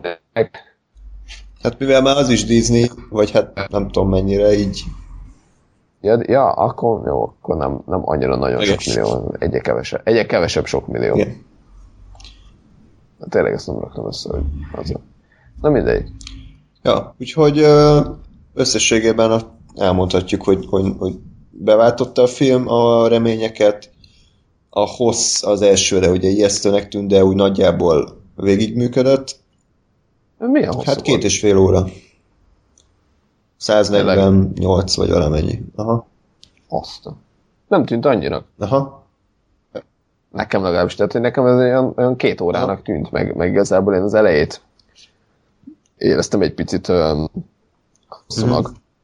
Tehát, hogy amíg, amíg felvezetik azt, hogy, hogy törvény, meg, meg Bucky, meg ez, meg az, meg hogy a Legacy események, meg, meg hogy akkor most mi van, az nekem egy pici csokol. Mm. Uh, de, de hogy amúgy nem, nem éreztem azt, hogy, hogy fú, bár meg már milyen régóta megy a film, és unom, mint a szart, úgy, mint a dzsungelkönyve. Ami jelentős erődebb volt, viszont jelentősen hosszabbnak tűnt, és négyzetes arányban mondtam.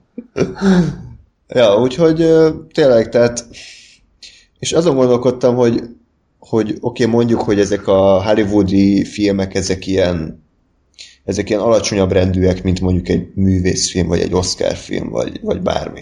De, de nem mondja nekem senki, hogy egy ilyen filmet, akár forgatókönyvben, akár rendezésben, akár tényleg, ha az akció koreográfiát nézzük, kevesebb munka, kevesebb idő összerakni, mint akár egy, egy Oscar díjas királybeszéde, vagy akármi. Tehát, hogy érted, hogy mit akarok, hogy, hogy az az átlalás nézet, hogy ezek a filmek alacsonyabb rendűek, mint azok a filmek. De szerintem belefetszőtt munkában, és akár tehetségben is, és a saját maga stílusában, ez a film semmivel se kevesebb, mint azok.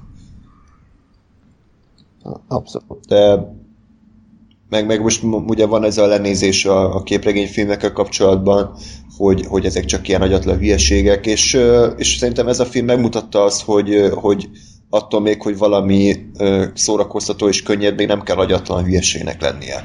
És attól még, hogy valami szórakoztató és könnyed, nem biztos, hogy könnyű volt azt összerakni ahhoz, hogy szórakoztató legyen. Tehát szerintem írtozatos sok munka lehetett ezt a sok karaktert még egyszer mondom, motivációval felruházni, egyéni karaktereket továbbvinni, úgy összeereszteni őket, hogy az hihető legyen, jó sztorit írni hozzá, izgalmassá tenni végig. Tehát, hogy ez egy, ez egy nagyon nagy munka volt, és, és én értékelem azt, hogy ezt nagyjából jól sikerült teljesíteniük. Már csak azt nem tudom, hogy, hogy ezt hogy sikerült továbbvinni. Tehát Avengers 3, az mit tud nekünk adni? Ezek... Igen, ez sajnos, sajnos félek egy kicsit attól én is, hogy, hogy most, most megadták ezt a, a picit más vonalat megint csak, hogy, hogy azért, azért itt most nem, nem arról szólt, hogy a nagy gonosz, és akkor el kell pusztítani, miközben ugye tudjuk pontosan, hogy, hogy a, az Infinity War az a maga kettő részével az pontosan erről fog jönni, szólni, hogy jön a, a nagy gonosz, és akkor meg kell ölni. Csak, csak, csak igen, azt is egy darabig lehet, lehet továbbvinni, és egyébként én is sajnos már kezd azzal a filmmel szemben is egy kicsit szkeptikus lenni, hogy, hogy, hogy mitől lesz az más, mint a, a többi, vagy mitől, mitől lesz az nem tudom, új, vagy mitől, mitől, mitől, mitől fogom azt ér... Mitől emelkedik ki? Igen, igen, mert hogy mert hogy oké, okay, hogy nagyobb, meg, meg nagyobb zúzás lesz, de hogy ugye azért én azt mondom, hogy óriási különbség a között, hogy most ö, ö, nem tudom, New Yorkot zúzzák le, vagy a világot zúzzák le, nincs. Mert hogy zúzás Aha. van. Tehát, hogy, hogy, hogy oda, oda mindenképp be kell rakni valami olyan pluszt, ami, amitől az egésznek lesz egy, egy plusz érzelmi töltete például, vagy valami, valami olyan adalék, amire azt mondom, hogy na, ez, ez igen, tehát ettől ez más lett, ettől ez több lett. Nem, nem csak egy nagyobb gonosz lett, hanem ő valamiért más gonosz is, mert most mit, tehát ki tudok találni hülyeségeket, csak nem akarok. De, de, hogy, de hogy meg lehet csinálni. És félek tőle egyébként, hogy ezt nem fogják tudni, vagy, vagy akarni megcsinálni, és hogy, és hogy az Thanos is csak egy ilyen következő random hülye lesz, aki véletlenül valamivel nagyobb random hülye, mint a, mint a többi. Dillafejű Igen. az egész. Igen, illetve hát ugye én, én erre mondtam, mondjuk magunk között, hogy, hogy uh, én, én személy szerint fordított sorrendben csináltam volna, tehát hogy én azt csináltam volna, hogy lapátolom egymásra a, a, a nagy gonoszokat, tehát hogy, hogy jó, akkor most jött az útra, a következőben ugye még nagyobb durranás a Thanos, és amikor nyilvánvalóan ugye le fogják győzni a thanos végül, akkor bedobni egy olyat, hogy ja, törvény. És hogy egy teljesen más uh, uh, szituációt, egy teljesen más gyakorlatilag ellenfelet behozni, bár ugye az is tény, hogy ez valószínűleg nem működött volna a, a nagy közönség számára abból a szempontból, hogy, hogy azért egy ilyen, tehát hogy ez nekem működik, mint, mint képregény rajongónak, aki, aki azt mondom, hogy engem érdekel az, hogy, hogy hogyan tud egy képregény a film vagy a képregény műfaj az gyakorlatilag megújulni azáltal, hogy, hogy valami más csinál, de, de értem, hogy ez valószínű a nézők többségének nem jött volna le, vagy nem érdekelte volna, hogy, hogy, hogy milyen politikai háttere, vagy milyen, milyen más megvilágítása lehet egyes hősöknek, vagy az egész szuperhős létnek egyébként, amiről szerintem a Civil war a konfliktusa szól. Hm. Hát ezt, ezt, ezt már soha nem látjuk, úgyhogy akit érdekel... De majd, bocsánat, majd uh, 15 év múlva, amikor ja. rebootolják a Marvel univerzumot. Mindenképpen. Akkor addig azt csinálják a képregényt olvassátok el, de szerintem a film után, tehát a film előtt nem érdemes, mert csak elrontjátok a, a film élvezeti értékét. Úgyhogy akkor ennyi volt már a tune Három filmről beszéltünk, de mind a három fontos és sokak által szeretett és sokak által érdekelt film, úgyhogy mindenképp úgy éreztük, hogy ezt meg kell, hogy osszuk veletek a véleményünket. Még egyszer összességében Cloverfield Lane jó kis fasz a thriller, csak a vége az, az elég hát kétségbejt, hogy, hogy miért, kell, miért kell ilyen döntéseket meghozni. A dzsungelkönyve az számunkra unalmas volt, de de valaki mondja meg nekünk, hogy ez a film miért jó, mert az a baj, én ma azon a szinten vagyok, hogy ezt tudom képzelni, hogy ez miért tetszik az embereknek. Vagy mi, mi, mi annyira jó benne. Úgyhogy kérlek, ezt is írjátok meg. Az Amerika kapitány polgárháború pedig az egyik legjobb Marvel film, vagy talán a legjobb Marvel film az Avengers egyel egyetemben. Talán még a Vasember egyet tennénk ugye oda, csak az, az egy jóval egyszerűbb és fókuszáltabb alkotás volt. Úgyhogy most van mit nézni, ugye beszéltük Gással így mozi előtt, hogy láttuk, hogy az X-Men is hamarosan jön, a Warcraft is hamarosan jön, tehát lesz mit nézni bőven. Így van. De, de rossz nekünk, hogy moziba kell járni, és eh, podcastet kell róla csinálni, hát ez... Szar az élet, Francia. Hát majd valahogy, valahogy kibírjuk. Reméljük egyébként, hogy azok a filmek is azért, ha nem is hasonló színvonalúak, de, de legalább annyit kiváltanak belőlünk, hogy, hogy megérte őket megnézni és elkészíteni. Én azt jósolom, hogy, hogy nem így lesz. sajnos, sajnos én is, tehát hogy azért, azért ezután most megint visszatérni az X-mennek ahhoz, hogy jön a gonosz, és össze kell állni, és le kell győzni. Igen azt mondom, hogy a, a Thanos, thanos kevésbé vagyok uh, skeptikus, mert az, mert az az lesz, hogy az lesz az Uber kurva gonosz. Tehát, hogy ő lesz a, a világ pusztító izé. Hát az apokalipszis az elvileg, most... csak ő nem lett felvezetve. Hát, ilyen. Ja, igaz, jó, lehet, csak... Ja, ő egy random kék hülye, tehát most oké. Hát meg, meg azért benne van ugye ebbe megint csak a, a, a stúdióknak a hülyesége, hogy, hogy oké, okay, hogy be akarják hozni a, a tehát, hogy oké, okay, hogy az apokalipszis egy ilyen óriási világpusztító vadállat, csak ha nincsenek meg a jogok, és ezt az óriási világpusztító vadállatot csak és kizárólag az X-Men fogja legyőzni, akkor azt mondom, hogy nem érzem, hogy annyira világpusztító, míg ha azt látom, hogy négy különböző filmnek a szereplői jönnek össze, Igen és, és zúznak, akkor azt mondom, hogy ezt mondjuk tényleg egy ilyen übergonosz. Bár hogyha a létszámot nézem, akkor én egyébként nem bánom, hogy, hogy nincsen tényleg mindenki a Marvel univerzumban, mert már így is, így is telt ház van szerintem, tehát tehát még, még jönne a, négy, a Fantastic Four, meg jönne még az X-mennek a 15 karaktere, az már szerintem sok. Tehát ez így, ez így elég volt így a Civil War-ba, többet nem biztos, hogy kéne erőltetni. Vagy akkor tényleg csak ilyen statiszta szerepből, hogy akkor a Wolverine ott hátul bonyózik a, a Mr. Fantastikkal is ennyi, de eh, sok, sok lesz. Igen, igen, ugye azért, azért működik ez uh, képregény szinten, pont amit elmondtam a war hogy ezek, ezek nem egy képregénybe vannak belezsúfolva, hanem van egy központi esemény, és mindenkinek a maga képregénye az ehhez kapcsolódik. Na most egy filmen valószínűleg nem fogják megcsinálni azt, hogy kijön egy hónapon belül, vagy mondjuk így egymás után egy Amerika kapitány film, egy Vasember film, egy, egy Thor film, és ezek, ezek ugyanahoz a konfliktushoz tesznek hozzá, bár egyébként így lenne tök jó, mert így nem lenne zsúfolt. Viszont, viszont én azt mondom, hogy té- ahhoz, hogy tényleg Marvel Cinematic Universe legyen, és, és tényleg azt érezzem, hogy, hogy ez egy globális katasztrófa lesz, ahhoz, ahhoz viszont azt kell, hogy bele kell rakni az összes mindenkit, mert, mert azért most is ez volt, és a, a film előtt is voltak ilyen vicces képek, hogy, hogy az a jelenet, amikor ugye hat, hat a hat ellen állnak a, a, a repülőtéren, hogy az a nagy civil war, hogy most akkor 12 hős, miközben a képregényben ott nem tudom, 50-en, 60-an ezt az egészet. Igen tehát, hogy, tehát, hogy ezért mondom, hogy én, én nem bánom, hogyha bekerülnek ilyen plusz karakterek, bár attól tartok, hogy ez zsúfoltá teheti tényleg a filmet, hogyha, hogyha azt mondják, hogy most akkor a katasztrófának a, a, az okán most megmutatom, hogy a, a, a tort hogy érinti, a vasembert, az Amerika kapitányt, a Doctor Strange-et, a Pókembert, a Black Widow-t, a stb. stb. 250 másik, 6 órás filmről beszélünk mint ahogy valószínűleg ez lesz, mert két részes lesz. De... Igen. Hát az Infinity War, az igen. Ja, tényleg, meg a Justice League is. Jó, ezt én, én az a baj, hogy most, most láttam az Amerika kapitány, tehát hogy, hogy, hogy ez a film igazából nekem még inkább a, a, a, a tagadásba taszított, tehát hogy most már azt mondom, hogy a DC az esélyen.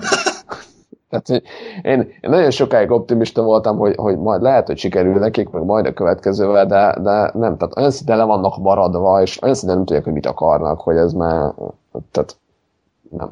Innen visszajönni már, már majd hát lehet. Igen, nem lennék a Warner vezetőjének a helyében, mert ilyen szinten elcseszni az univerzum építés részét, az, hogy a film az milyen lett, az egyéni dolog, de maga az univerzum építést, amit akarnak, azt tényleg olyan szinten elcseszték, hogy max, max tényleg annak örülhetnek, hogyha pénzüknél lesznek, a, mire véget ér az egész, mert ugye a Batman is csalódás kettően hozott, a Justice League az már pár napon belül már elkezdik forgatni, tehát mm.